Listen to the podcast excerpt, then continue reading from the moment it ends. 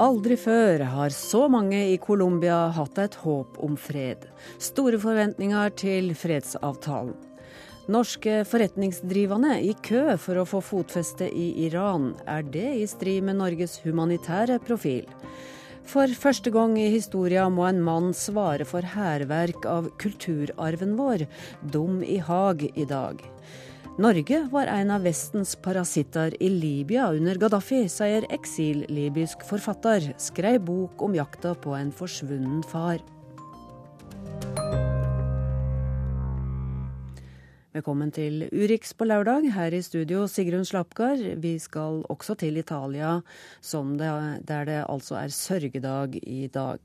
Men først til Colombia, der den positive storhendinga denne veka var ei endelig og omfattende fredsavtale.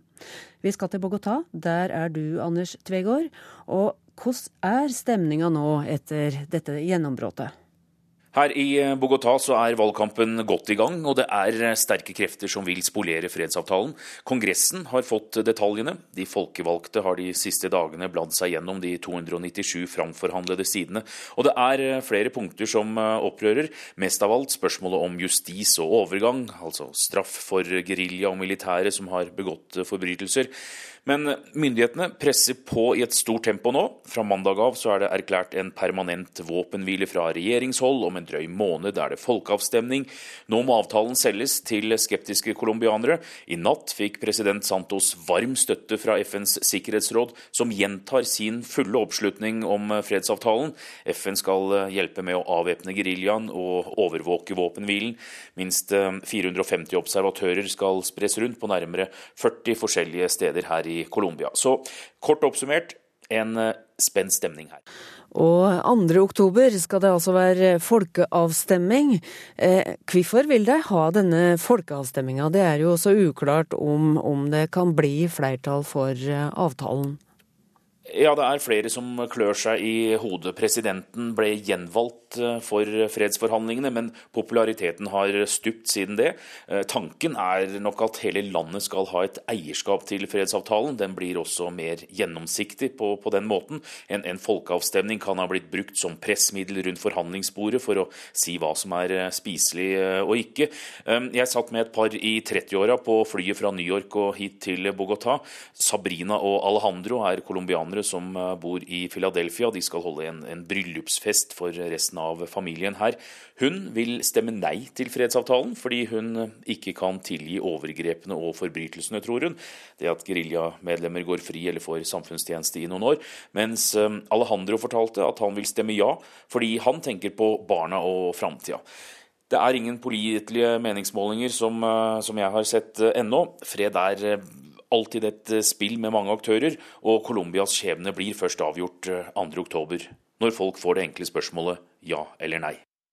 Men veldig spennende dager akkurat nå, også der du er, Anders Tvegård i Bogotá. Takk til deg. Eh, ja, kan det nå bli slutt på 50 år med krig? Denne eldste krigen på den vestlige halvkula. Mange i Colombia var, som vi hører, kritiske. Vår reporter Inger Marit Kolstadbråten gir oss litt mer bakgrunn for det som skjer og skal skje akkurat nå i Colombia. President Juan Manuel Santos ble møtt med jubel fra colombianske politikere da han kom til Kongressen, dagen etter at fredsavtalen var klar. La paz siempre es mejor que la guerra. Fred er alltid bedre enn krig. Freden vil gjøre at vi blir kvitt frykten og terroren i landet vårt, sa presidenten, som også fortalte at en endelig våpenhvile vil tre i kraft med midnatt natt til mandag. Det betyr at krigen er slutt, sa presidenten.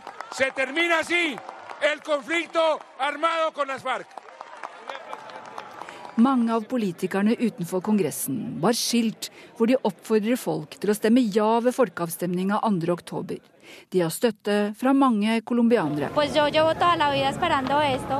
Jeg har ventet på dette hele mitt liv, sier Maria Clara på gata i hovedstaden Bogotá. Men ikke alle er like begeistret for en fredsavtale med FARC-geriljaen. Tiden for den endelige utryddelsen av disse bandittene har kommet, sa tidligere president Alvaro Uribe i 2002. I sin presidentperiode prøvde han å knuse FARC militært, uten å lykkes. Han har hele tida vært imot å forhandle med geriljaen, som han ser på som terrorister. Oribe leder nå nei-kampanjen foran folkeavstemninga. Jeg støtter avtalen, men jeg er ikke enig i at de gir politiske posisjoner til geriljaen, uten at colombianerne har stemt på dem ved valg, sier Jorge Canon. Han viser til avtalen der FARC sikret seg en del plasser i parlamentet, inntil de kan stille til valg i 2018. Et annet svært kontroversielt punkt er at FARC-medlemmer som innrømmer forbrytelser, slipper fengselsstraff. Selv om det ikke skal gjelde for de mest alvorlige forbrytelsene som drap og voldtekter, er det som en rød klut for mange. Men sjefsforhandleren for myndighetene ber innstendig folk møte opp til folkeavstemninga og stemme ja. Dette er et avgjørende øyeblikk for Colombia. Det er bare to veier framover, sier Umberto de la Calle, og sikter til at det ene er fred, det andre er videre krig. De siste meningsmålingene viser et klart ja-flertall, men seinest for et par uker siden viste en meningsmåling nei-flertall. Det er over 50 år siden FARC-geriljaen erklærte krig mot myndighetene i landet. Krigen har kostet 220 000 menneskeliv. Og nærmere sju millioner mennesker er drevet på flukt. FARC skal ifølge avtalen nå legge ned våpnene og plasseres i egne demobiliseringsleirer rundt i landet. Hvit røyk kommer fra Havanna, sa geriljalederen Ivan Marquez da avtalen var klar, med humoristisk henvisning til når en ny pave blir valgt. Viva Colombia! Viva la paz! Ja, leve freden, ble det ropt her. Marta Skretteberg, du er fra Colombia. Velkommen i studio. Takk. Takk. Og du er i dag leder av Caritas, og med lang erfaring av ulikt hjelpearbeid i heimlandet ditt. Hva er det du er mest spent på med denne omfattende og endelige fredsavtalen? Den skal jo være på hele 297 sider. Ja, det er en omfattende avtale, og alle punktene som tas opp der, eh, sikter til eh, eller tar opp fundamentale utfordringer i det colombianske samfunnet. Eh, og det som er eh, viktig, er at det går direkte på årsakene til konflikten. Mm. Men jeg er spent på særlig tre punkter. Det første er relatert til distriktsutvikling, eh, og hvor regjeringen har forpliktet seg til å bygge ut infrastruktur og sikre bøndene bedre landrettigheter. Skjev fordeling av jorda har vært gjennom historien en av de viktigste årsakene til konflikten, og jeg er veldig spent på hvordan dette implementeres i praksis. Mm. Nummer to er relatert, relatert til sikkerhetsgarantier for demobiliserte geriljasoldater. Mm. Det er ekstremt viktig at det åpnes for et større demokratisk handlingsrom og aktiv politisk deltakelse av disse. Dette gjelder også gode integreringstiltak for dem, slik at de får raskt eh, tilgang til arbeid, helse, eh, utdanning. Hvis ikke så risikerer vi at de går over til vanlig kriminell virksomhet eller narkotikahandel. Eh, punkt tre, som også var tatt opp her i innslaget, det var ofrenes rettigheter og overgangsjustis. Det har vært ekstremt sensitivt tema i Colombia. Eh, det har man blitt enige om å opprette en internasjonal eh, overgangsdomstolen og en sannhetskommisjon. Eh, straffen oppleves av veldig mange som altfor lav og har ført til en stor kritikk i landet. For en mor som har mistet sin sønn, så er en strafferammen på åtte års samfunnstjeneste svært lav, eller mm. oppleves som urimelig. Ingen skal jo i fengsel. Nei, og det er det. Og det er, som du hørte, ja. sterke reaksjoner eh, til det. Mm. Eh, men det spenn, mest spennende i tiden framover vil være eh, åpenbart partenes eh, evne til å implementere det som står på papiret. Eh, og selv fredsavtalen er bare starten på arbeidet med å bygge fred i Colombia. Akkurat nå er det jo ei våpenhvile.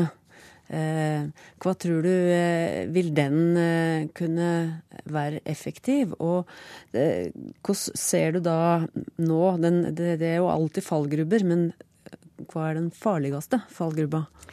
Det er mange fallgrubber, men jeg tenker at det akkurat nå er de sterke krefter i Colombia som motsetter seg til fredsavtalen. Ser at tidligere president Uribe er veldig imot det, og han har mange støttespillere ut på landsbygda, men også eh, middelklasse, overklassen i, i mange byene støtter ham.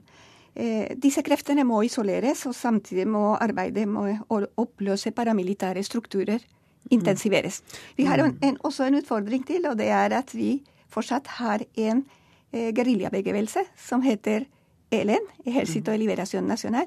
De har innledet eh, fredsforhandlinger, men det er mye som gjenstår i forhold til å få eh, til en avtale med dem også. Mm. Tiden står i vei. Jeg tror en rask implementering av avtalen mm, vil være avgjørende, slik at folk fortsatt eh, vil få tillit til selve prosessen og til avtalen. Mm. Og, ja, og hva tror du skal til for at folk da faktisk skal stemme ja? Eh, eller gå til stemmeurnene i det hele tatt den 2. oktober. Det kreves jo at 13 eh, møter opp for at resultatet da kan bli godkjent. Ja, Akkurat nå er det kjempeviktig at befolkningen får riktig og tilstrekkelig informasjon for å kunne ta et informert valg. Mm. Eh, regjeringen nå starter store, informasjon, store informasjonskampanjer gjennom TV, radio, sosiale medier for å, få, eh, for å, gi informasjon om avtalen. Men jeg syns også at det er veldig viktig eh, at det gis rom for samfunnsorganisasjoner til å mobilisere folk og få dem til å stemme. Det er veldig viktig. Mm. Det er avgjørende for vår fremtid i Colombia. Det er fremdeles, som dere hørte, splittelser og uenigheter rundt avtalen. Og et ja er ikke garantert. Mm. Så det er kjempeviktig med mobilisering. Vi må, colombianere vi må innse at det ikke er mulig å få fred eh, med militære løsninger. Det eneste som fører oss til fred, er en fredsavtale. Mm. Du har jo sjøl møtt en god del av disse FARC-medlemmene. Eh, som jo mange kaller kriminelle like mye som eh, gerilja. Eh, og enkelte av disse er jo gått opp i 60-åra og levd hele livet i jungelen. Eh, tror du de vil kjenne seg igjen altså, i det samfunnet som Colombia nå har blitt?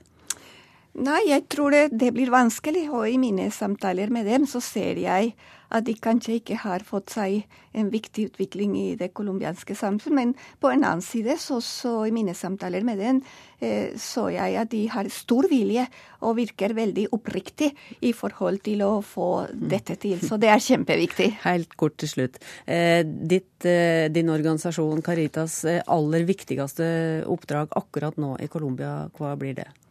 Også vi har i mange mange år drevet med jordbruksutvikling, eh, yrkesopplæring, reintegrering av geriljasoldater som har desertert. Dette har vært ekstremt viktig i forhold til mange utfordringer Colombia har som fattigdom. Men vi også vil konsentrere oss akkurat nå i forsoningsarbeid mm. eh, lokalt. Caritas kommer garantert til å spille en svært viktig rolle i den fredsprosessen Colombia nå står eh, foran. Ja, lykke til, og takk for at du kom i studio, Marta Skretteberg. Takk.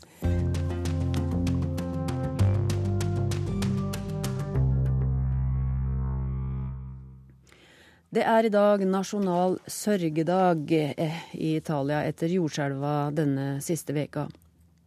Og det er nå bestemt at det blir statlig gravferd for flere av de 248 menneskene som så langt er funnet døde. Men etter hvert skal også gjenoppbygginga på de tre av de tre landsbyene som ble ramma, eh, starte opp. Men å bygge opp en by etter et jordskjelv tar tid. Det vet en annen italiensk by alt om. Korrespondent Guri Nordstrøm har besøkt Lakila, byen som ble ødelagt under det førre store jordskjelvet.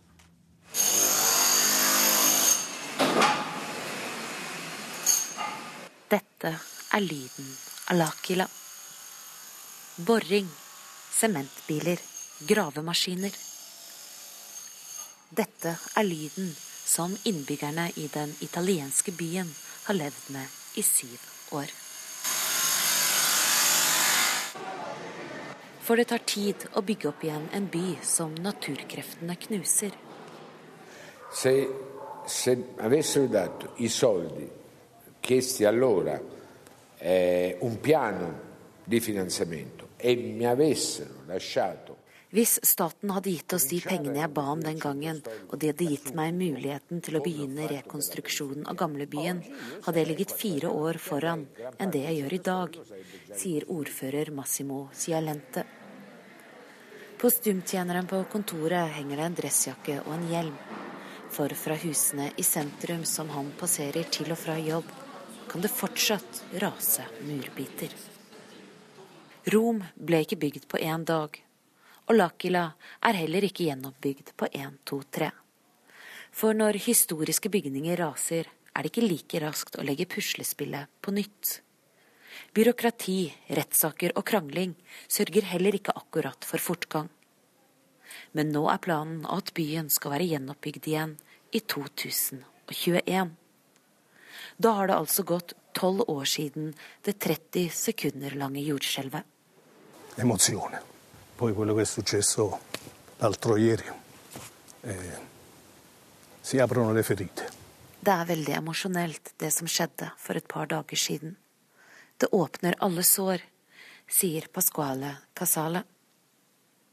6. april 2009 har igjen festet seg aller forrest på netthinnen. Quando è arrivata quella delle 3.32 da det store skjelvet kom klokka 3.33, var det kjempesterkt. Smijernsenga mi hoppet ti centimeter opp i lufta, og så gikk den fra vegg til vegg etterpå. Da jeg endelig kom meg ut av huset, skjønte jeg hva som hadde skjedd, sier Casale. Incredibile. Quando siamo usciti fuori abbiamo capito che cosa era successo. 308 mennesker kom seg imidlertid aldri ut av husene sine den aprilnatta. Og nå har akkurat det samme skjedd i tre landsbyer som bare ligger en time unna.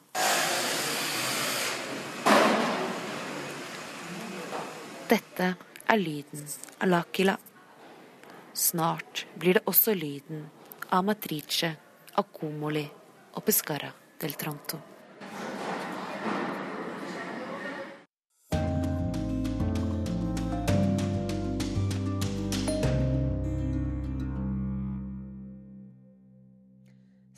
Skal fiskeriminister Per Sandberg sette kursen mot Iran for å eh, følge opp intensjonsavtalen som nå er undertegna mellom Iran og Norge. Iran er spesielt interessert i norsk oppdretts- og offshoreteknologi. Mange land står i kø for å komme inn på den iranske marknaden akkurat nå. Men det er skjær i sjøen, og deriblant en del amerikansk press. Today, after two years of negotiations, the United States, together with our international partners, has achieved something that decades of animosity has not a comprehensive long term deal with Iran that will prevent it from obtaining a nuclear weapon. I fjor sommer kunne president Barack Obama endelig annonsere en historisk enighet om atomavtalen mellom Iran og Sikkerhetsrådets fem faste medlemmer pluss Tyskland og EU mot at internasjonale inspektører for å forsikre verden om at Iran ikke utvikler atomvåpen, skulle sanksjonene mot den islamske republikken heves ved nyttår, altså for åtte måneder siden. Iran er dermed et nytt og attraktivt marked for mange asiatiske og europeiske land. 17.8 undertegnet Norge og Iran en såkalt MOU, Memorandum of Understanding, en intensjonsavtale med en kredittgaranti for 8 milliarder kroner. Ståle Torgersbråten fra Garantiinstituttet for eksportkreditt, GIEK, var med på å undertegne avtalen. Og Det som er da Poenget med disse intensjonsavtalene det er å legge til rette for økt eh, samhandel mellom Iran og Norge. og eh, eh, GIEK jobber da for å øke norsk eksport og investeringer til, eh, til utlandet, og Iran er et av de markedene som, som nå åpner seg. I slutten av september reiser fiskeriminister Per Sandberg til Teheran for å følge opp denne avtalen. Han skal møte iranske partnere for å diskutere bl.a. landbaserte oppdrettsanlegg og anlegg for fiskeforedling. Torgersbråten håper at intensjonsavtalen vil føre til konkrete avtaler fremover. Men det er ikke bare Norge som snuser på det iranske markedet, som nå åpner seg. De andre eksportkredittbyråene i eh, tilsvarende land i Europa, altså Sverige, Danmark, Finland, eh, for den saks skyld Storbritannia, Tyskland, Italia, har inngått lignende avtaler. Eh, og man prøver fra europeisk side å skape et slags rammeverk som skal gjøre det mulig å få i gang en samhandel som da har ligget død i mange år. Eh, og særlig nå er det viktig, som nevnt, pga. Eh, at de kommersielle bankene foreløpig sitter på gjerdet i frykt for eh, da, primært amerikanske sanksjonsregler. For det er også sterke krefter som jobber imot økt samhandel med Iran, selv om sanksjonene er opphevet. Både hardlinere innad i Iran og politiske og økonomiske grupper i USA forsøker å hindre økt samarbeid mellom Vesten og Iran, forteller økonomen dr. Hossein Ragfar ved Al-Sahra-universitetet i Teheran.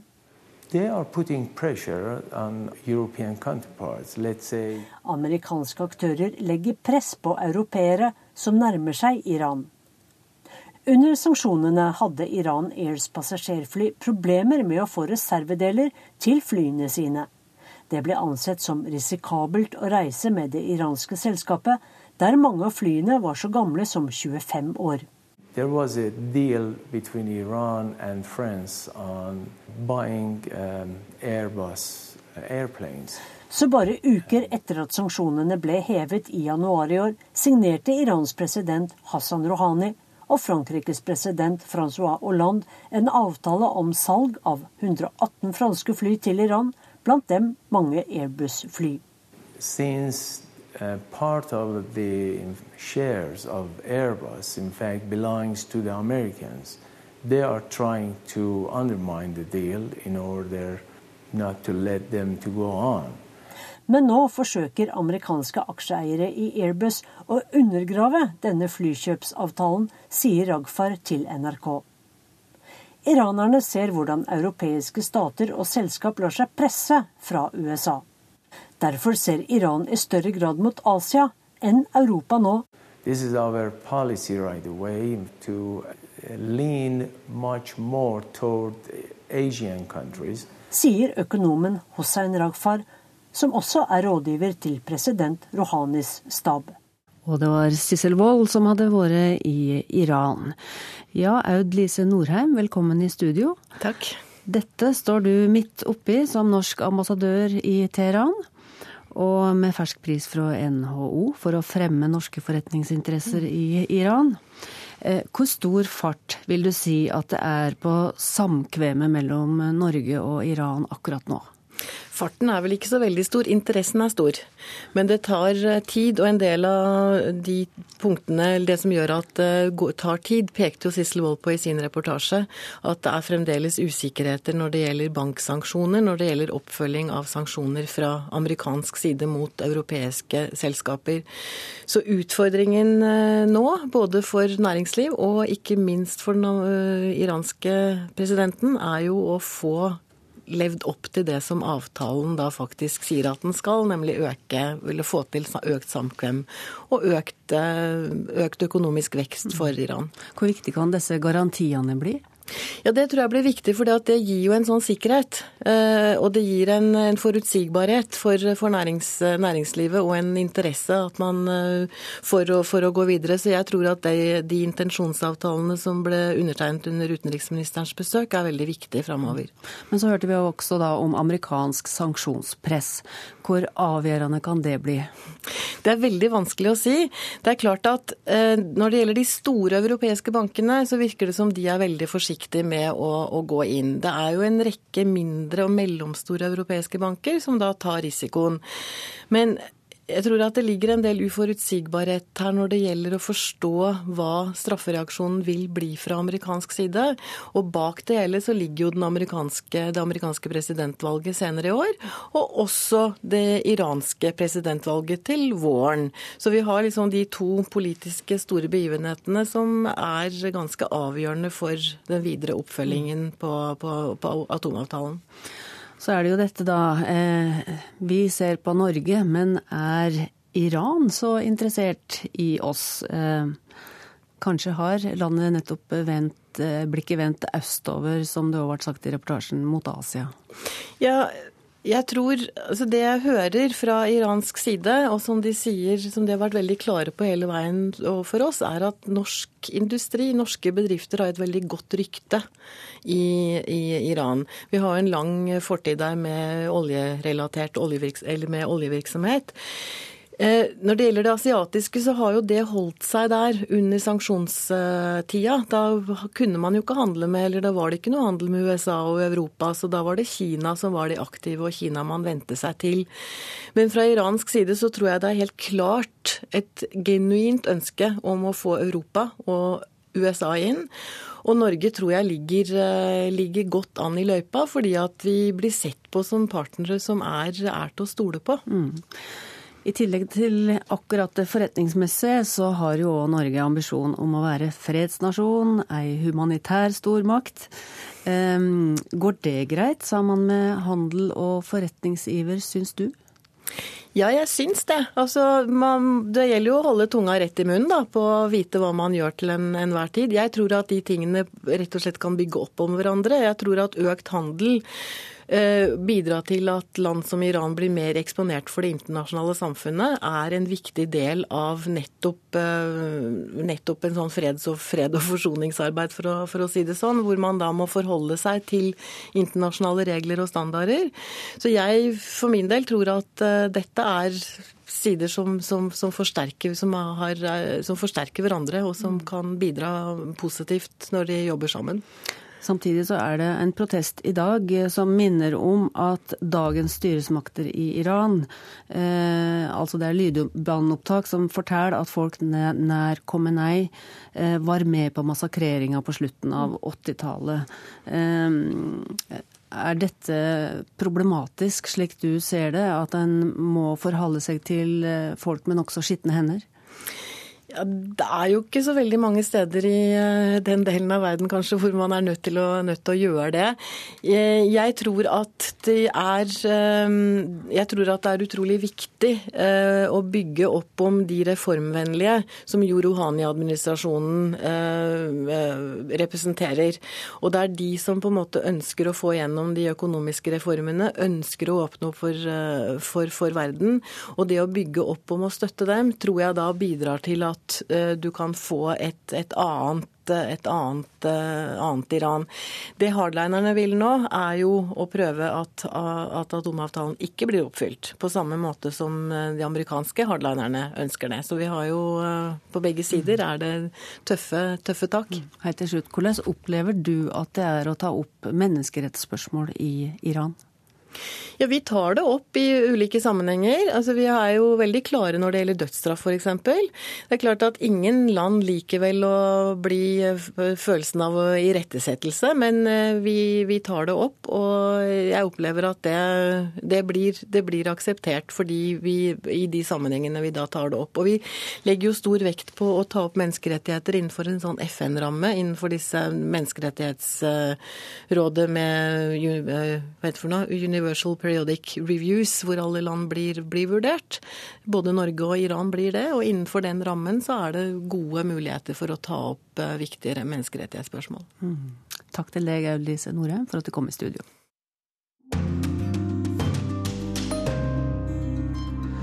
Du hører på Urix på lørdag. Her i studio Sigrun Slapkar. Vi har hørt fra vår utsendte i Bogotá at det er spent forventning til fredsavtalen i Colombia. Opprydninga går langsomt framover i Italia. I dag er det sørgedag. Følg med oss videre. Det er et spennende brev fra Filippinene på vent. Denne veka begynte ei historisk rettssak i Den internasjonale forbryterdomstolen i Haag. Aldri før har domstolens påtalemakt tiltala kulturvandaler for krigsforbrytelser. Ahmad al-Fadi al-Mehedi er skylda for å ha ødelagt deler av en 500 år gammel moské og ni hellige mausoleer i ørkenbyen Timbuktu nord i Mali. Mandag måtte han si ja eller nei til straffeansvaret for det han hadde gjort. Afrikakorrespondent Sverre Tom Radøy har vært nettopp i den moskeen som synderen gikk løs på, og har fulgt synderens bekjenninger med spesiell interesse.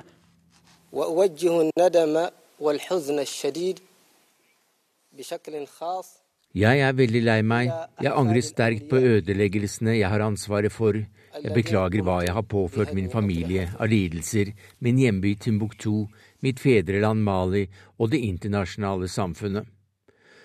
Mehedi sto der i tiltaleboksen i blådressen, med svart tilbakestrøket hår, med Børre Knutsen-skjegg og briller, og skapte internasjonal rettshistorie, eller historier.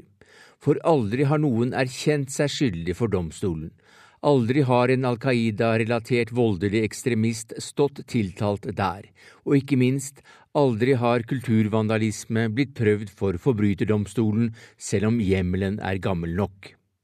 Men så hadde han da også god grunn til å angre, ifølge folk som har uttrykt sin vrede til mediene.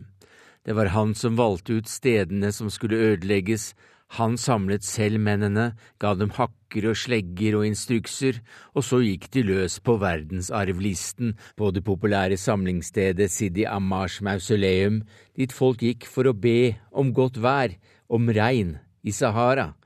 Moralpolitiet ødela gravkamrene til de ni viktigste helgenene i Timbuktu, og de gikk til Sidiihia-moskeen, en av byens tre gudshus laget av leire og som kom på Unescos liste allerede for 30 år siden.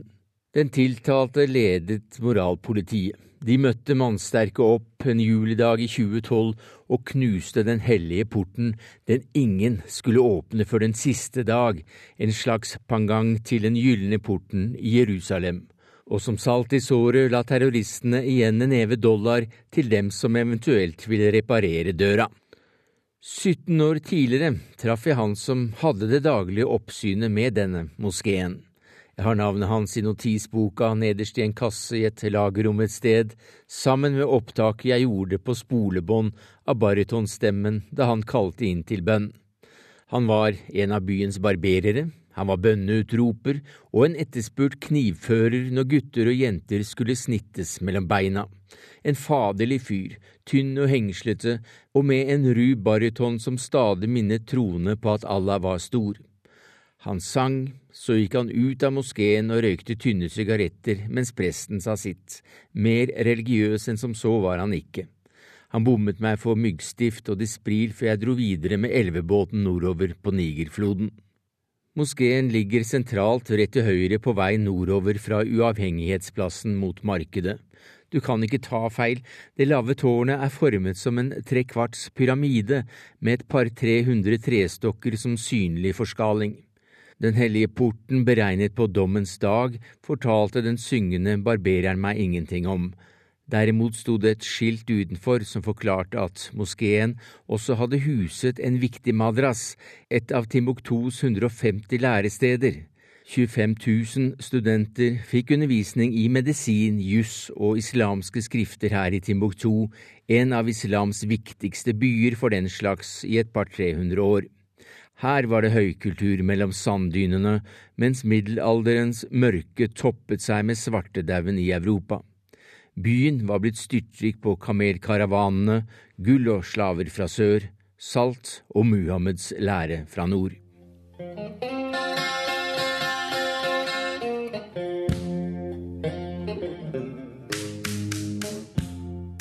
Krystallene i kvadratmeterstore saltblokker gnistret i kveldssola da sanddynene glødet før natten tok over på ett kvarter. Saltet fra ørkenens indre ble båret fram av en lang lenke med dromedarer, Saharas senete skip. Og dette så sent som på slutten av 1990-tallet. I dag er også den handelen på et lavmål. Byen er fremdeles utsatt for angrep. Svenske FN-soldater er satt til å passe på. Da jihadistene bestemte i Sandgatene i 2012, kappet de av hender og pisket syndere.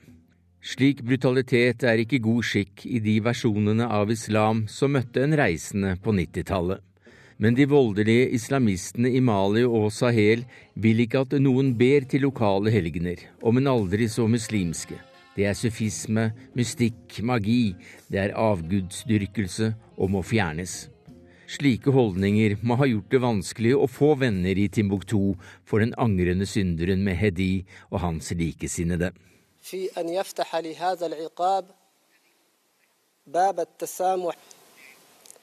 Jeg vil råde muslimer over hele verden til å ikke gjøre som meg, det fører ikke noe godt med seg, sa Mehedi.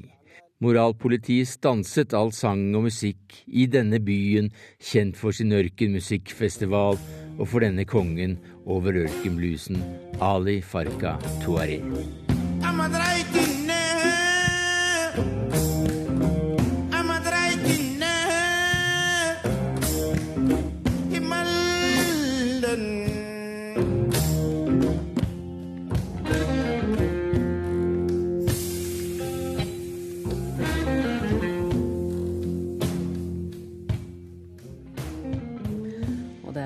Ali Farka Touré, altså, fra albumet 'Talking Timbuktu' vi hører her.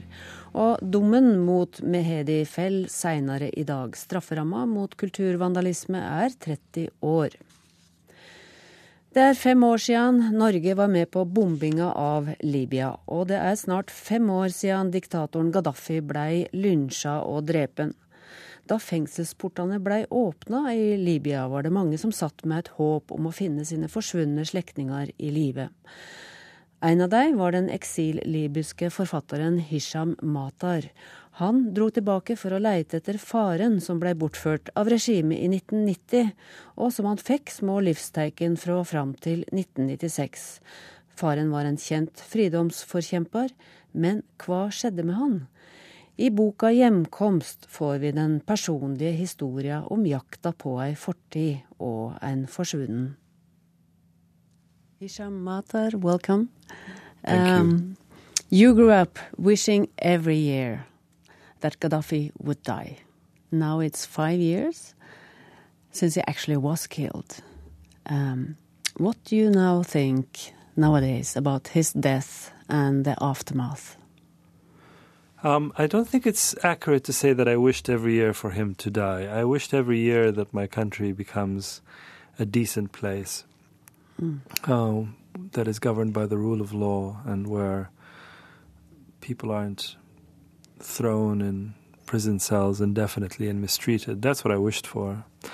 Um, I think the um, the the way Gaddafi was killed uh, was more true to the logic of his rule than it was to the aspirations of the revolution. And actually, it was a lost opportunity. It was a moment, I think, where um, we missed out on the chance of um, Mest av alt ønska Hisham Matar at systemet skulle falle, systemet som fengsla og truleg tok livet av faren. Og måten Gaddafi ble drepen på, spegla framfor alt dette systemet, ikke forhåpningene til ei framtid. Drapet på Gaddafi ble en tapt sjanse til å vise at vi ville noe annet enn å være vår fortid, sier den libyske forfatteren. The way that he ruled was being expressed in a very dark way. Um, uh, yeah. Mm.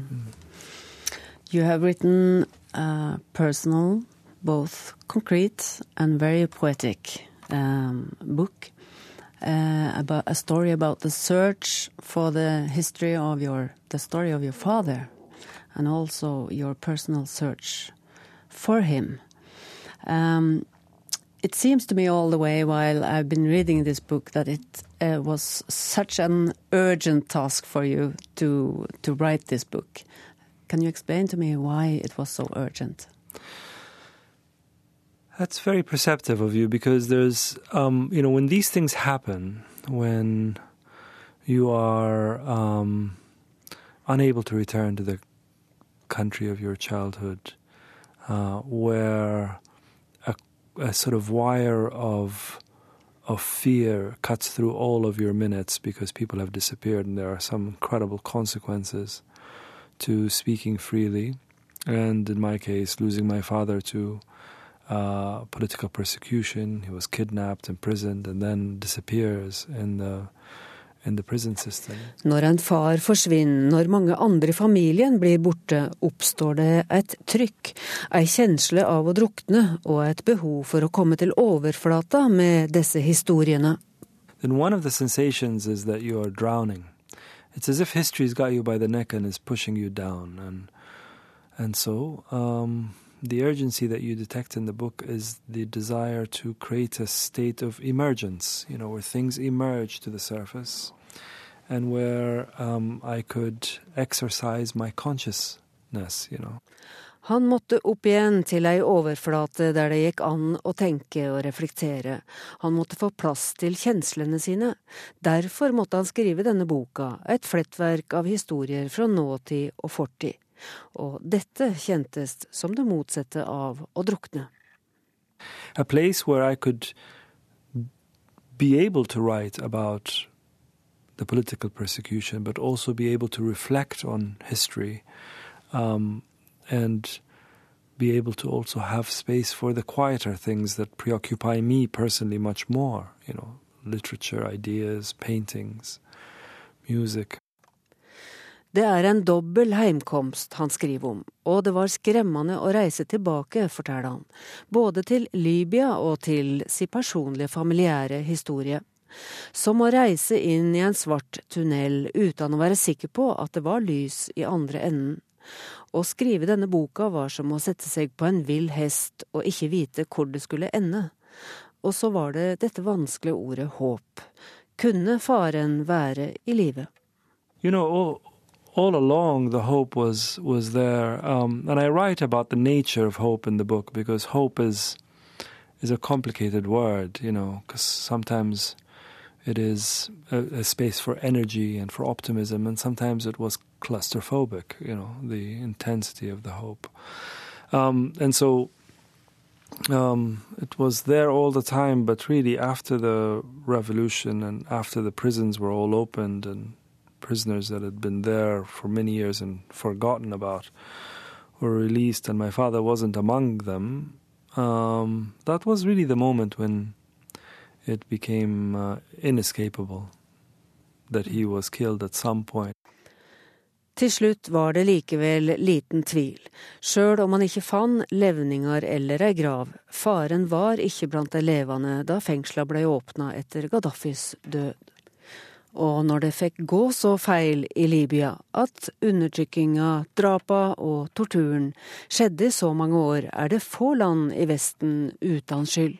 Uh, many Western countries um, um, worked very hard to befriend the regime, including Norway, actually, in 2003, um, because um, they became cynical. They thought this is just going to be the way it is. And uh, and uh, there's a lot of money in, in Libya.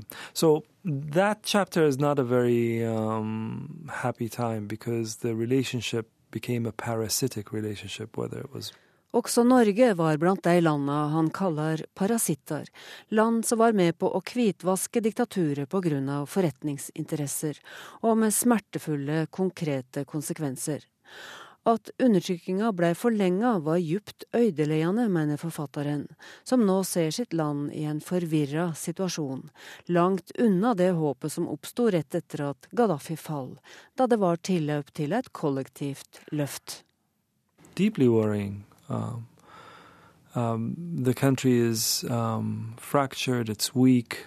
Um, There was a moment when the revolution happened. I think the most exciting thing about that time was, for me at least, was there was a moment where collectively we saw another possibility of organizing society.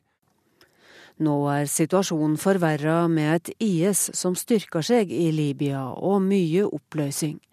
Men tross alt er forfatteren optimist. Ultimately, though, I, I, you know, I remain optimistic because people still want these things. You know, they want a prosperous, stable, decent, dignified um, country and society.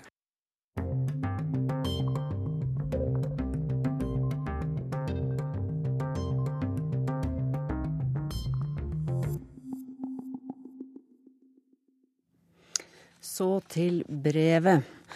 På Filippinene er Rodrigo Dutertes krig mot narkotika i ferd med å skli ut i et totalt blodbad. Nær 2000 mennesker er drepne denne sommeren, og de som blir ramma er de aller fattigste. De som ingen savner, og som knapt eksisterer i et offentlig register, forteller Peter Svaar. Stanken var ubeskrivelig. Det er selvfølgelig en klisjé, men eh, ikke desto mindre sant. Noen ytterst få ganger i mitt liv har jeg møtt en vegg av lukt så sterk at jeg der og da vet at jeg aldri kommer til å glemme den. Det er ikke noen opplevelse jeg spesielt anbefaler. En lastebil full av lik i solsteiken i Katmandu i fjor vår er blant lukthukommelsens tidligere oppføringer, og nå sto jeg overfor en ny. Det var en blanding av gammel fisk, råttent søppel Brustne drømmer og tung, fet skorsteinsrøyk fra konteinerbåtenes tungoljemotorer. Jeg hadde akkurat klatret ut av vår leide, slitne Toyota Hiace sammen med min lokale tolk Brian, og vi befant oss midt i Tondo, innbyggertall 630 000. Det er like mange som bor i hele Oslo. Tondo er en av Manilas eldste slumområder. Mer presist, det er en hel storby av skur de fleste satt sammen av drivved og bølgeblikk og gamle plastposer. Slummen omringer hele den store containerhavna nord i Manila. For her er ingen fjordby og ingen bystrand og ingen fancy leiligheter eller dyr rosévin på glass. Det eneste du ser i Tondo, er kilometer på kilometer med armod og bunnløs fattigdom, og altså en stank så sterk at jeg måtte holde meg fast og venne meg til den i noen sekunder. Min fikser Brian, som har vært her mange ganger før, så på meg med et lite smil. Vi hadde kjørt hit for å lage TV-innslag om livet blant Manilas aller fattigste. Men det er også her, i denne uverdighetens og håpløshetens forgård, at prisen nå betales for president Rodrigo Dutertes såkalte krig mot narkotika. Det var her i Tondo de fant Jerome Roa lørdag morgen for akkurat en uke siden. Han pleide å søke ly for natten i baksetet på en av de parkerte motorsykkeltaxiene du ser overalt i Manilas gater. På bildene tatt av fotografer som kom til på morgenkvisten, ser det da også ut som han sover. Han lå fredfullt på magen over motorsykkelsetet med hodet ned, delvis skjult av det lille blikktaket som er ment å skjerme baksetepassasjeren for regnet. Først på kloss hold var det mulig å skimte de to små kulehullene han hadde i nakken, og blodet som dryppet ned og farget bakken rød. Jerome Roa ble 27 eller 28 år, under ingen omstendighet eldre enn 30. Ingen er riktig sikre. Bare hans bestemor Josefin var igjen da to journalister fra det filippinske nettstedet Rappler kom til åstedet i grålysningen forrige lørdag morgen. Jo, det var nok noen som hadde sett hva som skjedde, mente Josefin, men vanskelig å få noen til å snakke om det nå. Ingen vil jo risikere eget skinn. Og ja, Jerome hadde et narkotikaproblem, innrømmet hun til lokale medier. Det var ingen grunn til å legge skjul på det. Jerome hadde for litt siden tatt jobb som assistent for en lastebilsjåfør. En slitsom jobb med lange dager og elendig lønn. Nesten alle som sjauer på havna i 35 graders varme, blir på et eller annet tidspunkt introdusert for billig shabu. Metamfetamin, en dose, koster bare noen få norske kroner. Og dopet holder øynene åpne og kroppen i gang. Det gjør at sånne som Jerome kan være våken lenge nok til å tjene penger til mat. Det er ingen uvanlig vei inn i narkomisbruket her i slummen. Men Jerome hadde blitt bedre i det siste, bedyret bestemor, der hun sto ved hans livløse kropp. Han hadde nesten sluttet med dopet, sa hun. 1900 mennesker er skutt og drept på denne måten i Filippinenes nye krig mot narkotika siden Rodrigo Duterte kom til makten. Det er nå sju uker siden. Men tro altså ikke et øyeblikk at det er de rike som rammes av denne voldsbølgen som nå herjer. Ikke engang middelklassen. Tvert imot, mange av dem står på sidelinje nå på Filippinene og heier på det som fremstilles som en utrenskning. En tredjedel av Manilas innbyggere, om lag to millioner mennesker, bor i hovedstadens fire største slummer. Det er hele bydeler der Filippinenes privatiserte strøm- og vannverk nekter å levere, siden ingen der har penger til å betale regningene uansett. Slike nødvendigheter må i slumbydelene som Tondo stjeles fra natt til natt for å få lys i en lampe eller liv i et gammelt TV-apparat. En annen som ble skutt i hodet denne uken, het Danica May. Og hennes sak fikk faktisk ganske stor oppmerksomhet. Årsaken til det? Hun var fem år gammel. Faren hennes, Maximo Garcia, meldte seg ifølge avisen Inquirer frivillig for politiet forrige helg etter å ha hørt at han sto på en slags liste over narkotikamistenkte. Sist tirsdag stormet ukjente gjerningsmenn huset mens familien spiste lunsj.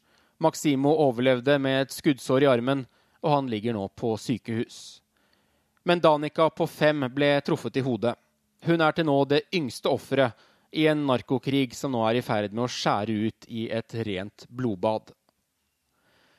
Da Rodrigo Duterte vant valget i mai, var det på en lovnad ikke om å bekjempe kriminaliteten og narkotikaen, men å utrydde den. Han lovet å gjøre med Filippinene som han gjorde med hjembyen Davao. På 20 år har den gått fra å være Filippinenes farligste by til nå å bli den tryggeste. Kriminalitetsstatistikken i Davao de siste tiårene ser ut som et mirakel dersom du åpner den i et regneark. Men veien dit har vært farget av blod. Rundt 1000 kriminelle er drept. Mange av dødsskvadronene ukjente, maskerte menn. Shoot to kill. I løpet av mine første seks måneder som president skal vi drepe 100 000 kriminelle, sa Duterte under vårens valgkamp, og la til det skal flyte så mange tusen lik av kriminelle i Manila-bukta at fiskene blir fete. Dette budskapet går hjem i et land der tilliten til en korrupt politistyrke er lik null, og der vanlige folk har følt seg terrorisert av kriminaliteten, av kidnappinger, av rusede ungdommer med pistol eller kniv, at man ikke kan gå trygt utendørs selv i Manila på kvelden. Ifølge en direktesendt parlamentshøring i Manila denne uken er minst 756 av de 1900 drepte de siste ukene skutt av politiet og politiet hevder at samtlige motsatte seg arrest. Men det begynner å komme mange historier som peker i helt motsatt retning. Renato og JP Bertes, far og sønn, var blant dem som fikk politiet på døren nå i sommer. Begge var hektet på Shabu, det billige dopet som produseres i enorme undergrunnsfabrikker rundt på Filippinene. Og far og sønn Bertes ble først brakt til en politistasjon. Der ble de grundig banket opp etter alle kunstens regler, før de to politimennene skjøt og drepte dem på kloss hold inne i en varetektscelle. Politiet hevdet de hadde gjort motstand, at de hadde grepet etter pistolen i beltet. Den forklaringen rimer derimot dårlig med rettsmedisinernes konklusjon.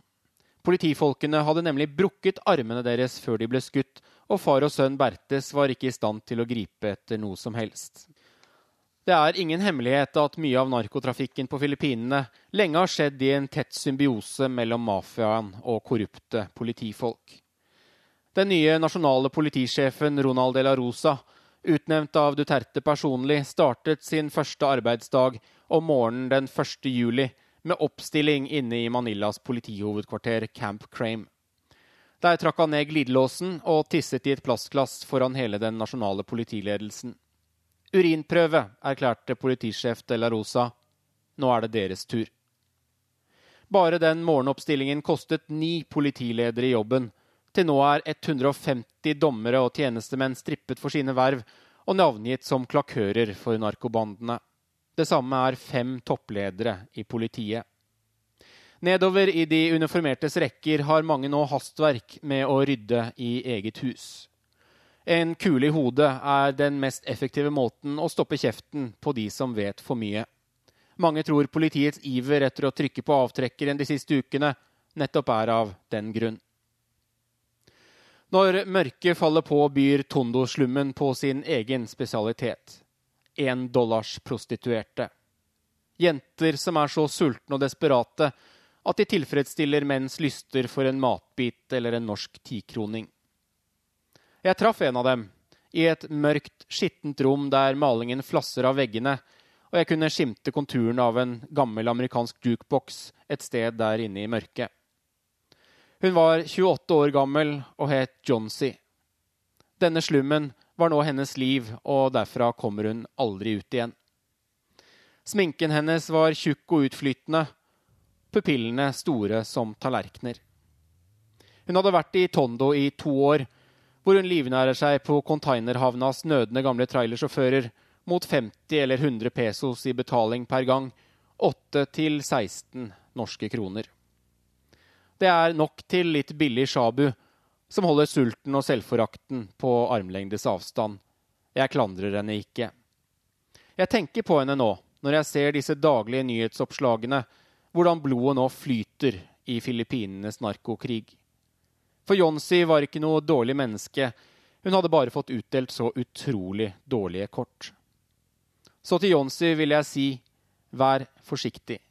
Jeg håper du lever. Jeg håper du overlever.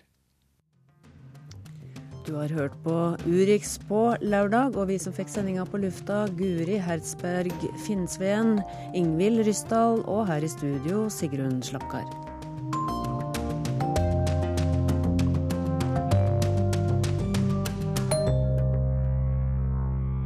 NRK P2.